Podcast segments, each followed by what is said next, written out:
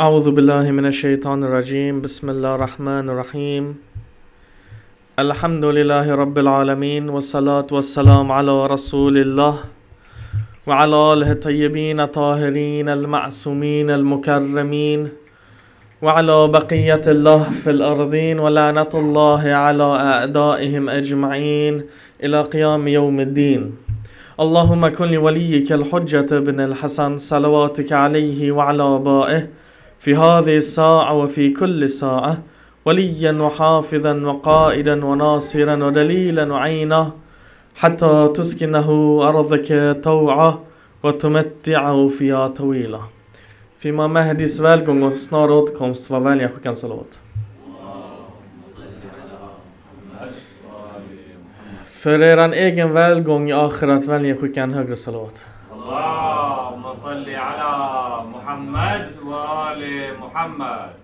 För systrarnas välgång i akhirat, vad är det? Skicka en salat.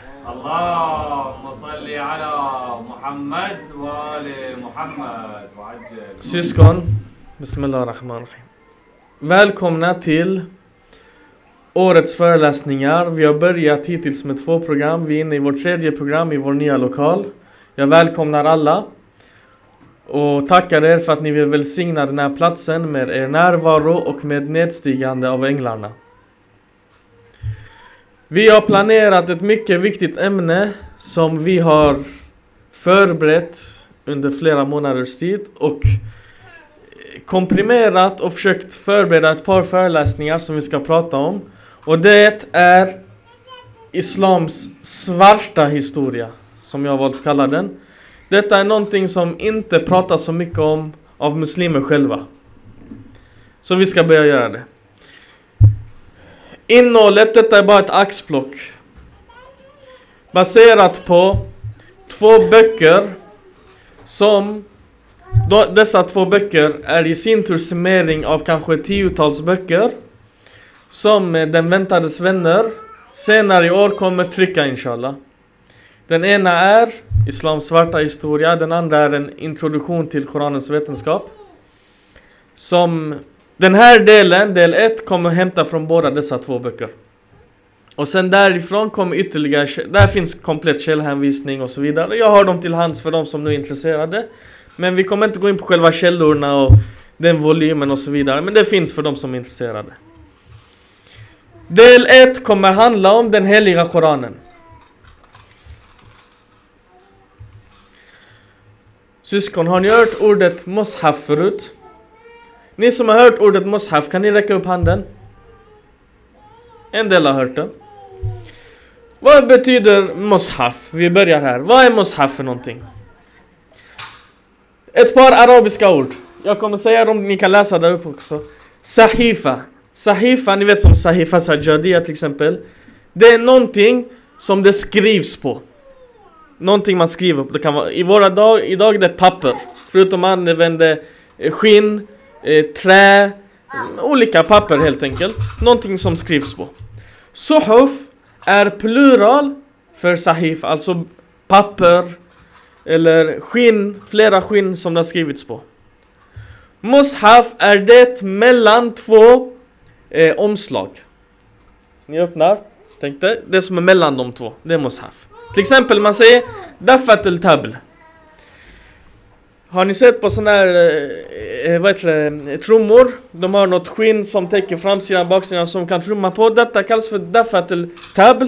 Alltså skinnet som täcker båda sidorna av en trumma. Och då säger man Daffat el mushaf. Alltså omslaget inklusive alla sidor av en bok. Okej? Alltså Mushaf är en samling sidor, en samling suhuf som, Alltså suhuf Som är samlade mellan två omslag. På den svenska, en bok. En inbunden bok eller en bok, för det finns pocketbok idag också. En bok, mushaf. Detta är den arabiska definitionen av Mushaf. Språket. Vi kollar vad de säger i Sunni hadither om ordet mushaf. Okej? Vi har, ni vet, eh, sunnitiska hadither är samlade sex stycken eh, verk. Dessa är de sex, eh, de kallar dem för de sex ha, eh, autentiska hadithsamlingarna. En av dessa, den tredje, är från Abu Dawud. Han har en samling som heter Sunan. I den här skriver han, när profeten dog svor Imam Ali Ali salam att han ska inte ta på sin mantel, förutom för fredagsbönen, tills han har sammanställt Koranen i en mushaf. Alltså mellan två omslag, mellan två pärmar. Varför? För att Koranen, folk skrev ner den i skinn, i, i, på trä och så vidare. De var utspridda. De var inte som en pärm så här som vi har som en bok, utan det var utspridda papper. Så han svor jag ska göra den här. Bukhari i sin Sahih skriver att när Othman den tredje kalifen, bestämde sig för att sammanställa Koranen skickade han Anas till Hafsa, Hafsa bint Omar, alltså den andra kalifen och bad henne att överlämna alla suhuf, alltså alla papperna där Koranen var nedskriven på. Så han utifrån dem kunde transkribera Mushaf så han kunde skriva av dem och sammanställa Koranen mellan två pärmar. Varför säger jag det här? Slutsatsen av det här är att ordet mushaf på den tiden användes av de araberna på den tiden som en referens till en bok. Inte till Koranen. Man kallade inte Koranen för mushaf. Man kallade allt möjligt för mushaf och man sa att vi ska göra Koranen till mushaf-version. Som idag vi säger vi ska göra en bok till en e-bok. Kanske om hundra år de kommer säga ah, e-pub. Eller e-bok. Ja, idag vi vet det finns en bok vi ska konvertera till e-bok. På den tiden det var så hoft de skulle konvertera till en mushaf.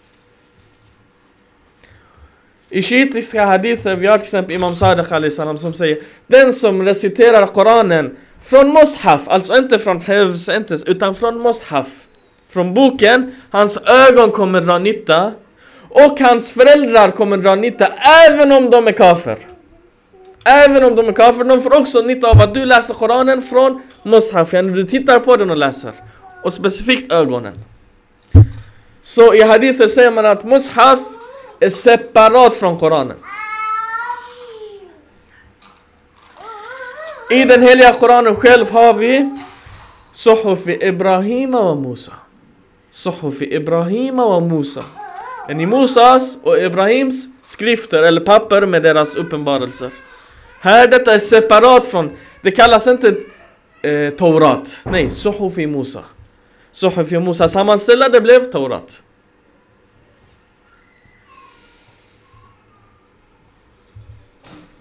Här har vi en, eh, dessa är bland de äldsta mushaf som finns från eh, museum som jag hittade.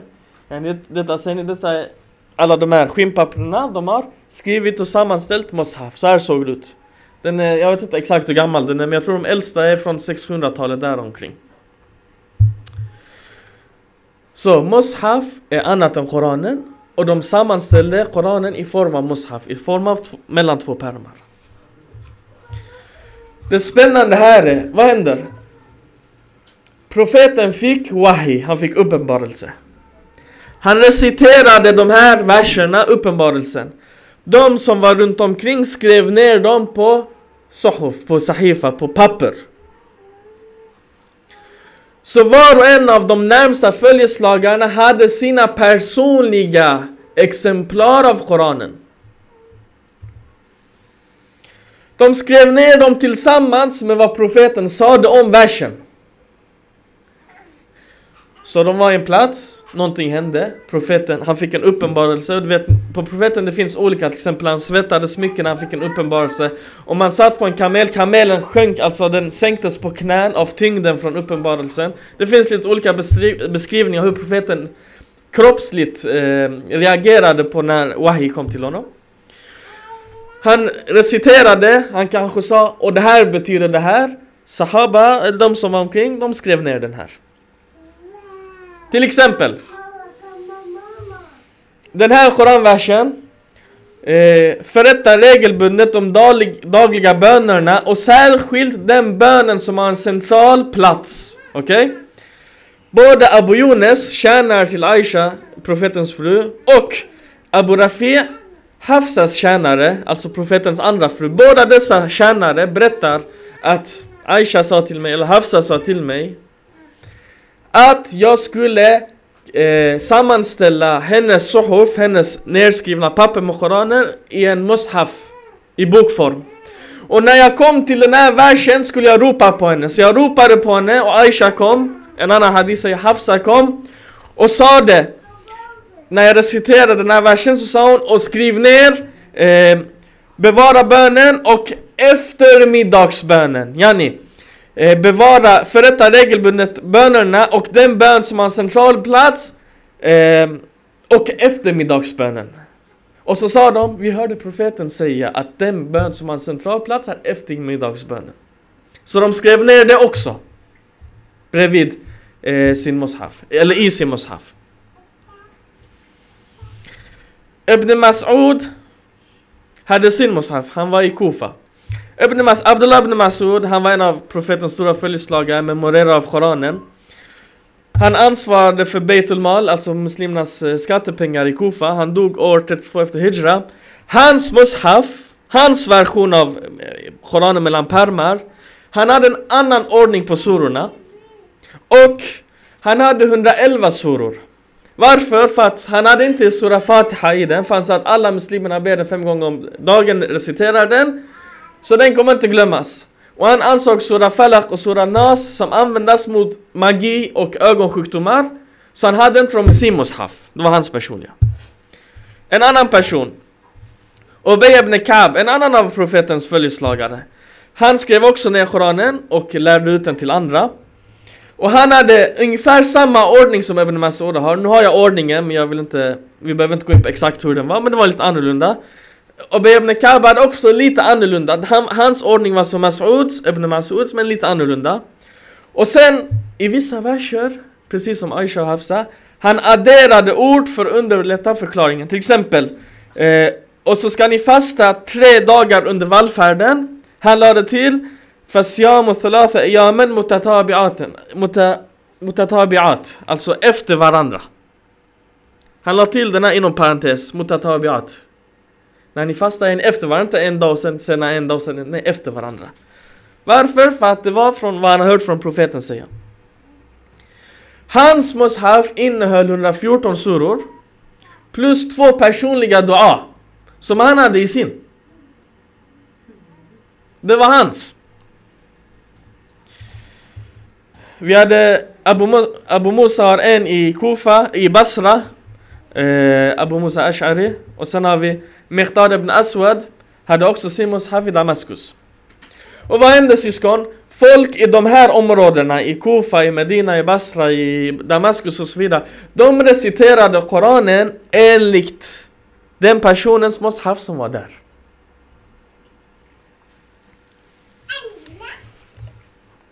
Sen vad säger Imam Ali Ali salam? Han säger ingen vers uppenbarades för, till profeten utan att han läste den för mig. Och stavade den för mig och jag skrev ner den. Och vidare lärde profeten mig varje vers tolkning, upphävande och upphävda. Ni vet vissa verser uppenbaras, sen upphävs de av, av andra verser, de gäller inte längre. Ytliga, muhkam, metafor, metaforiska Eh, han gjorde dua för mig att Gud skulle ge mig förståelse och, och att jag skulle memorera Koranen. Från da den dagen till idag har jag inte glömt en enda vers och inte heller förlorat kännedomen om en enda av dem. Och jag skrev ner det profeten lärde mig. Vi kommer till Imam Alis Musaf. Han hade också en Musaf. Imam Sadiq Ali salam berättar att profeten sa till Imam Ali Koranen vid min sida, vid min säng, den är samlad mellan omslag, tyger och papper. Så samla ihop dem och korrumpera inte dem så som judarna korrumperade Torat. Så det kom en order från profeten, sammanställ den i Moshaf. Ibn Nadim, han är historiker, han dog 1998. Han skrev, skriver den första Moshaf som samlades var Alis Moshaf. Den första. För innan det, det var så här, som jag sa, det var papper, alla sahaba hade sina, men det var ingen som sammanställde dem i permformat. Den första som gjorde var Imam Ali Ali salam. På profetens order. I den här, vad skrev han? Han skrev Koranen, uppenbarelsen, och han skrev sidnoter, Asbab Nuzul. Vad var omständigheterna som de här verserna, till exempel, vi sitter här, någonting säger någonting, och en vers kommer, Imam Ali skrev exakt, vad var kontexten, sammanhanget? Var det dag eller natt? På vilken plats? Vad var den generella innebörden? På ett sätt så den förklarar meningen obunden till tid och plats och rum. Det var hans mushaf. Så frågan är syskon. Vad hände med Imam Alis mushaf? Salman ibn Qais Helali, Kanske ni, vissa har hört hans namn Bror Thakharina visste han skulle höra hans namn för han har en bok Som är mycket spridd, speciellt bland pakistanier och Khoja, de, de gillar den. Det är en hadith-samling. Han återberättar att Salman Farsi eh, Berättar Att Imam Ali Ali sa eh, Eller han berättar från Salman Farsi att när Imam Ali såg folkets kyla mot honom Han lämnade inte hemmet. Förrän han fullständigt hade samlat ihop Koranen som ni sa. Han svor, jag ska inte lämna hem jag ska inte ta på mig mantel för Gud tills jag har sammanställt Koranen i Mushaf Innan den så var Koranen utspridd på pappersark, på träbitar och annat. När han samlat Koranen i Mushaf i bokformat Så går Imam Ali till moskén. Detta är sex månader senare efter profetens bortgång. Folket har anslutit till första kalifen. Imam Ali säger till dem, från profetens bortgång till idag har jag samlat ihop Koranen i Mushaf. Allt som uppenbarades för profeten har jag skrivit ner. Profeten läste verserna till mig personligen och sa det dess tolkning, dess generella tafsir, dess, dess eh, innebörd, dess djuphet. Allting han berättade, dess tolkning, tafsir och ta'wil. Så jag har samlat allt detta så ni imorgon inte säger jag var okunnig om den. Men de som var närvarande, de sa till honom Det finns inget behov för det som du har. Det vi har hos oss räcker. Tack så mycket. Imam, det blev egentligen en stor tjafs över den här. De ville inte ha den. Så Imam Ali sa, i så fall kommer ni aldrig med att se den. Han tar den och han går hem. Efter den dagens syskon, ingen såg någonsin mer den Koranen. Och vad som sägs är att Imam Ali tog den här Koranen fullständigt med tafsir, profetens tafsir och gav överför den till Imam Hassan som gav till Imam Hussein och så vidare. Just nu är den Imam Mahdis hand. Ingen har sett den här. Men i sex månader han sammanställde hela profetiska uppenbarelsen och de ville inte ha den. Splittring bland muslimerna. Som vi sa det Varje stad hade sin Sahaba och sin Mus'haf-version. Så folk började recitera Koranen olika. Baserat på den versionen Till exempel Huzaifa Berättar när han återvände från kriget i Armenien Så stötte han på Saad ibn As. Alltså Omar ibn Saads pappa. Nej. Sa'd en annan Sa'd en annan person i alla fall. Han sa det, under min resa såg jag en sak som om vi inte löser den här omgående kommer det resultera att i folket splittras i Koranen och vi kommer aldrig kunna lösa det. Saad säger, vad var det du såg? Han sa, jag såg folk från staden Homs, den stad i Syrien, västra Syrien, som trodde att deras recitering av Koranen var bättre än andras. För de hade accepterat, eh, och sen de hade fått sin Koran från Mekdad. Sen åkte jag till Damaskus och jag såg att de sa att vår recitering är bättre än de andra folkets. Jag åkte till Kufa och jag såg att de hade accepterat Ibn Mas'uds Mushaf och reciterade och sa vår är den bästa. Jag såg Basras folk eh, recitera enligt Abu Musa Ash'ari. På det här sättet man såg att muslimerna i olika städer sa min, min recitering, min version är den bästa. Så han rådfrågade de andra, vad ska vi göra? Det blev, stort, det blev krismöte, de snackade. Och han gav rådet till Othman, tredje kalifen. Låt oss samla alla versioner av Koranen. Och sen utifrån det här ge ut en enad version som folk kan läsa. Alla följeslagare som var i det här mötet accepterade Hoseifas förslag. Eh, och de gav det här förslaget till Othman. Eh, och han accepterade den.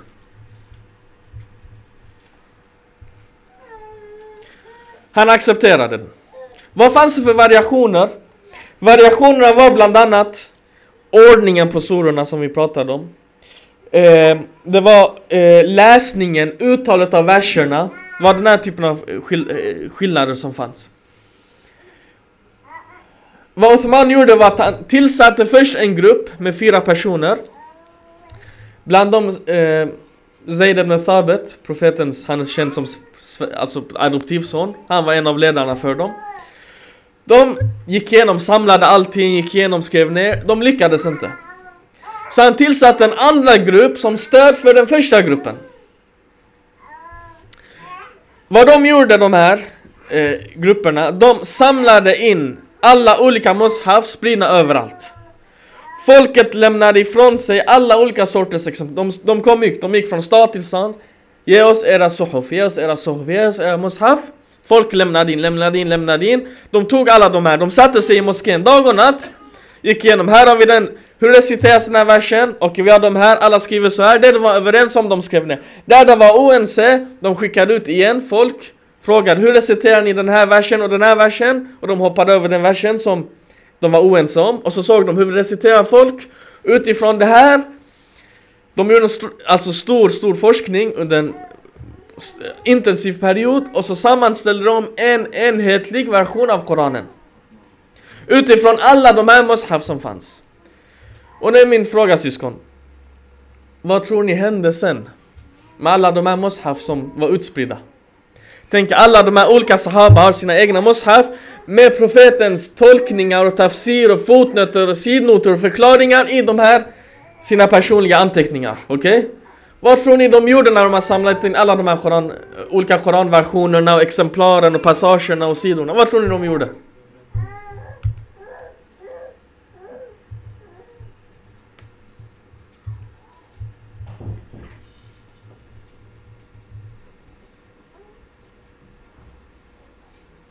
De brände upp det. Yani de tog allt det här. Deras avsikt var att vi ska inte, yani deras yttre avsikt var vi ska inte eh, ha olika eh, koranrecitationer. Vi ska ha en koranrecitation så vi ger ut en enhetlig bok baserat på alla de här och det var jättebra. Varför bränner ni upp allting?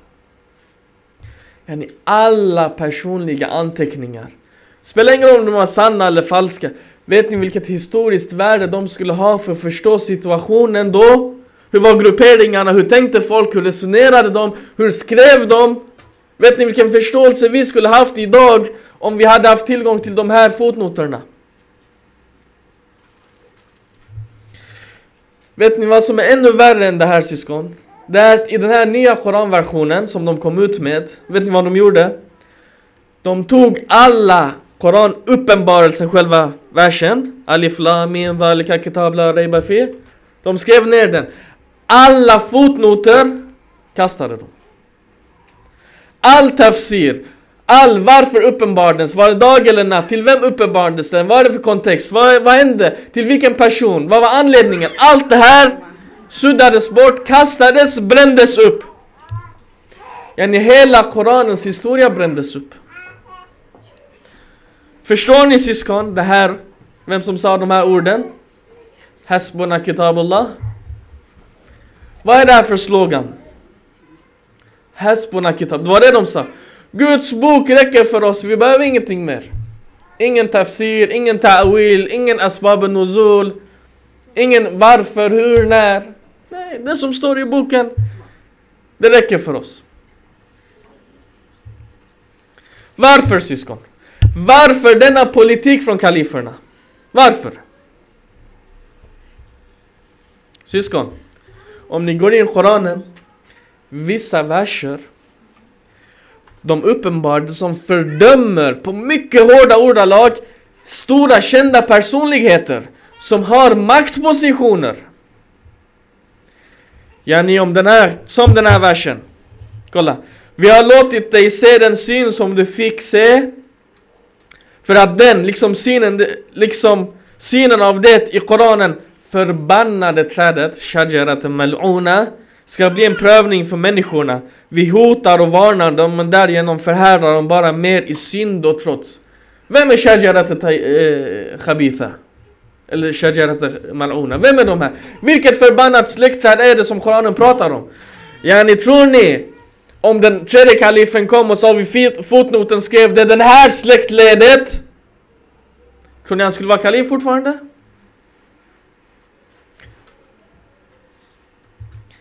Vers 4 och 5 i Surah Tahrim.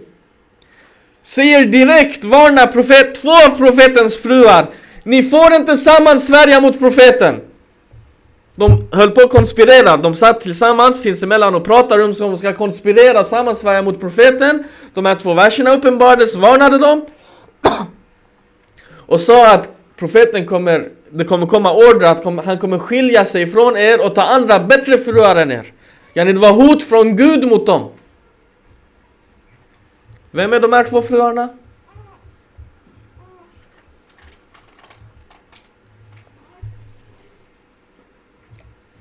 Om det hade stått, vad tror ni hade hänt i historien?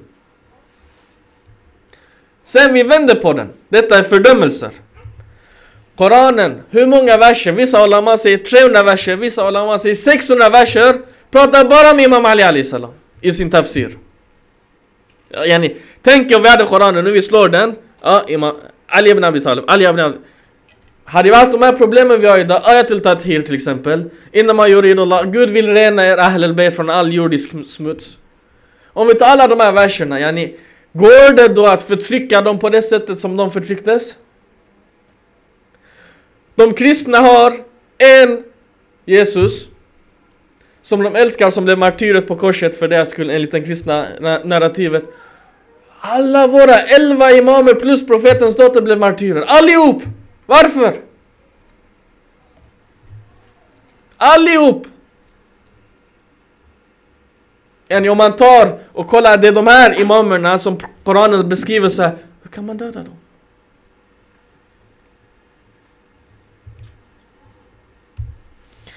Idag, Mushaf, syskon. Den version som kalifen hade, det var den enda godkända. Yani alla andra brändes, det var den här. Kopior gjordes på den och spreds i alla viktiga städer såsom Mecka, Kufa, Sham, Bahrain, Yemen och så vidare.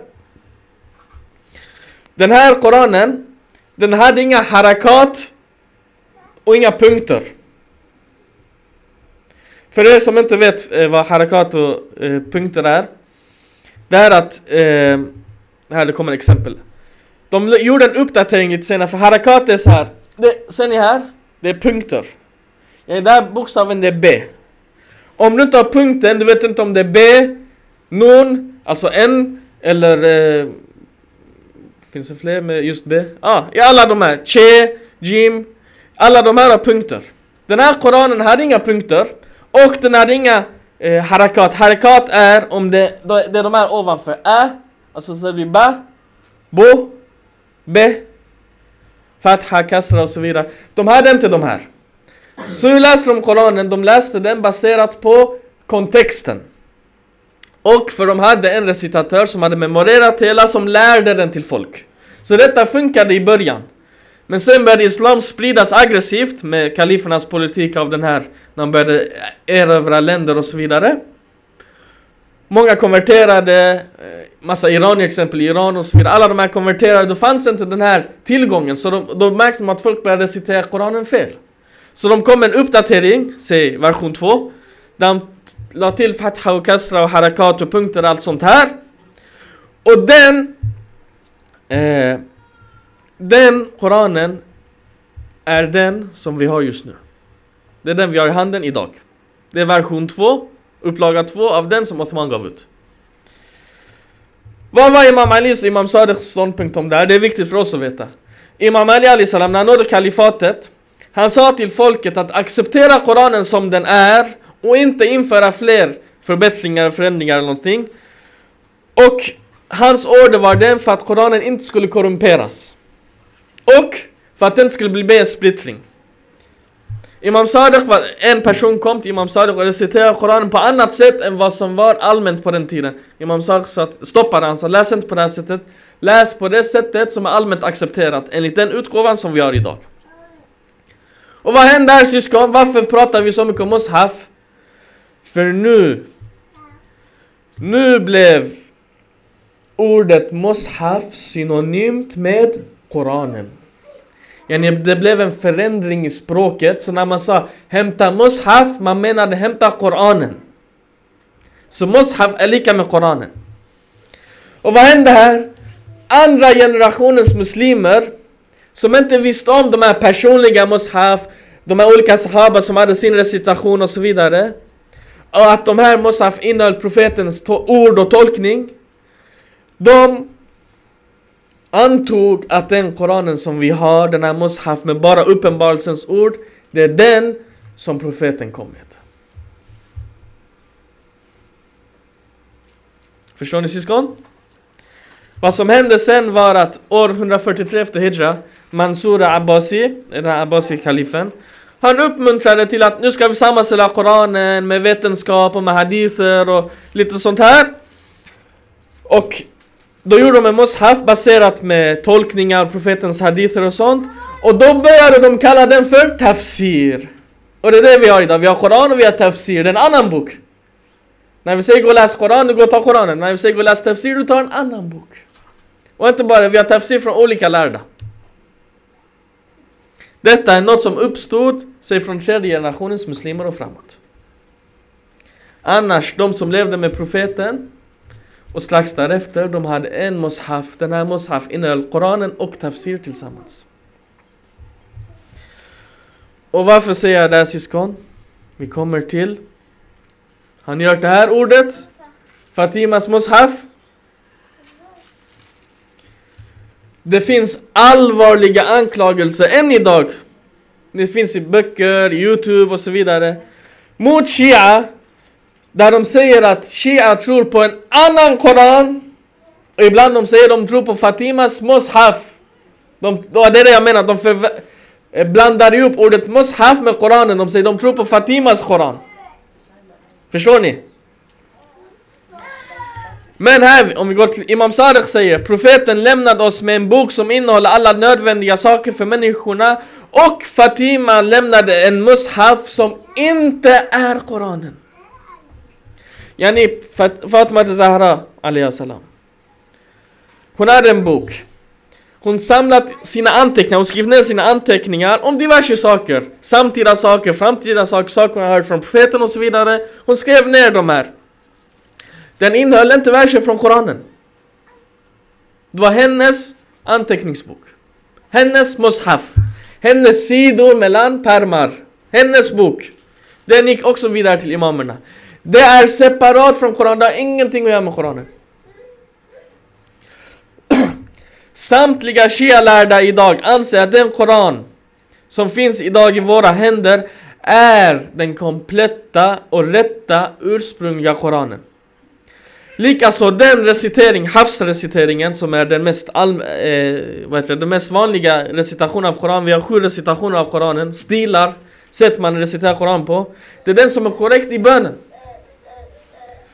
Och en av de starkaste anledningarna till detta är att när de samlade ihop den här mushaf, den här mushaf av Koranen som vi har idag, imamerna levde och Imam Ali godkände den. Hade inte den varit den rätta Koranen så 100% hade alla våra imamer ställt sig emot den. Men de gjorde inte, istället de stöttade den. Och sen alltså, vem Imam Sadiq? Yani Imam Sadiq är långt efter att allt det här, yani upplaga 2 kommit ut när sprids. Han sa, ni får inte recitera någon annan, ni ska recitera den som finns i händerna hos alla folk.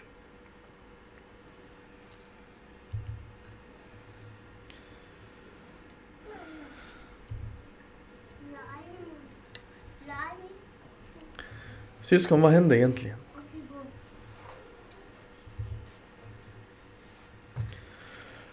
De brände baten av Koranen. De brände Koranens innebörd. De brände Koranens hus, Fatima Zahras hus. Där så många verser uppenbarades. När Ayatul Tathir kom, innan man gjorde Allah rijs ahl al-bayt. Profeten varje dag en av sahaba berättar, jag följde med honom till bönen, till bönen till moskén.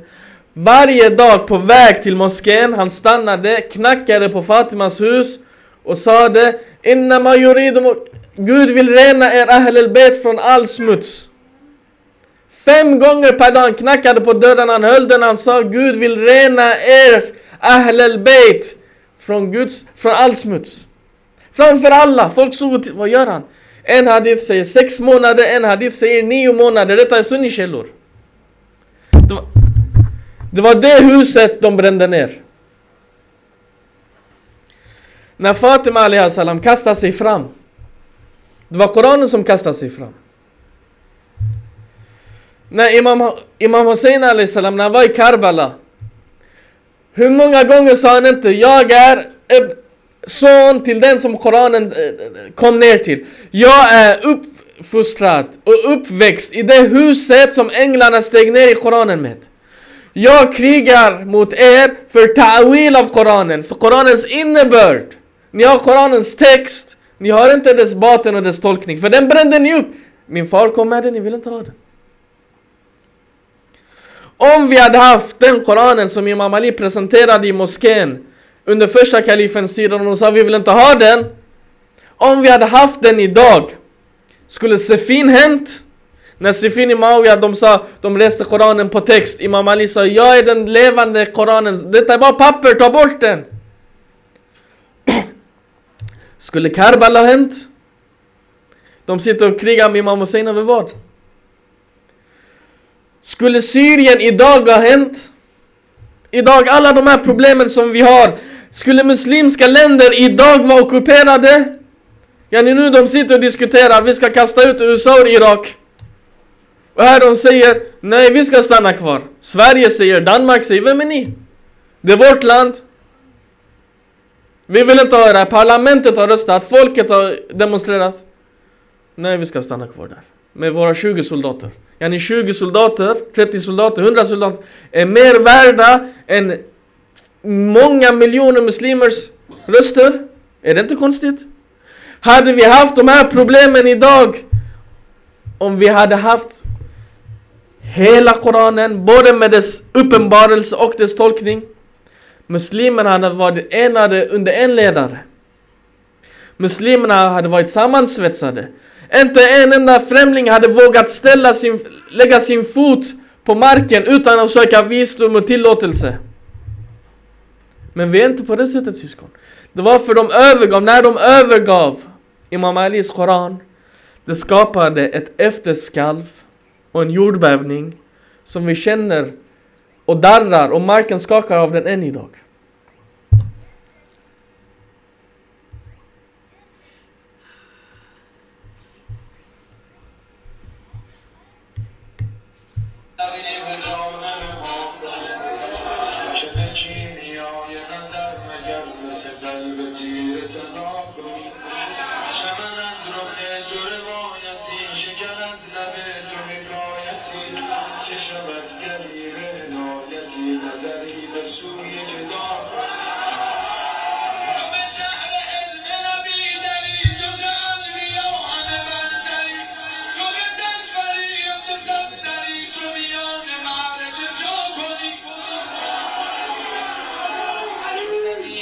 پیش نبیلدم فکنی بوتان همه از حرم حرم از وجود تو محترم. ز صفا صفا تو صفا کن.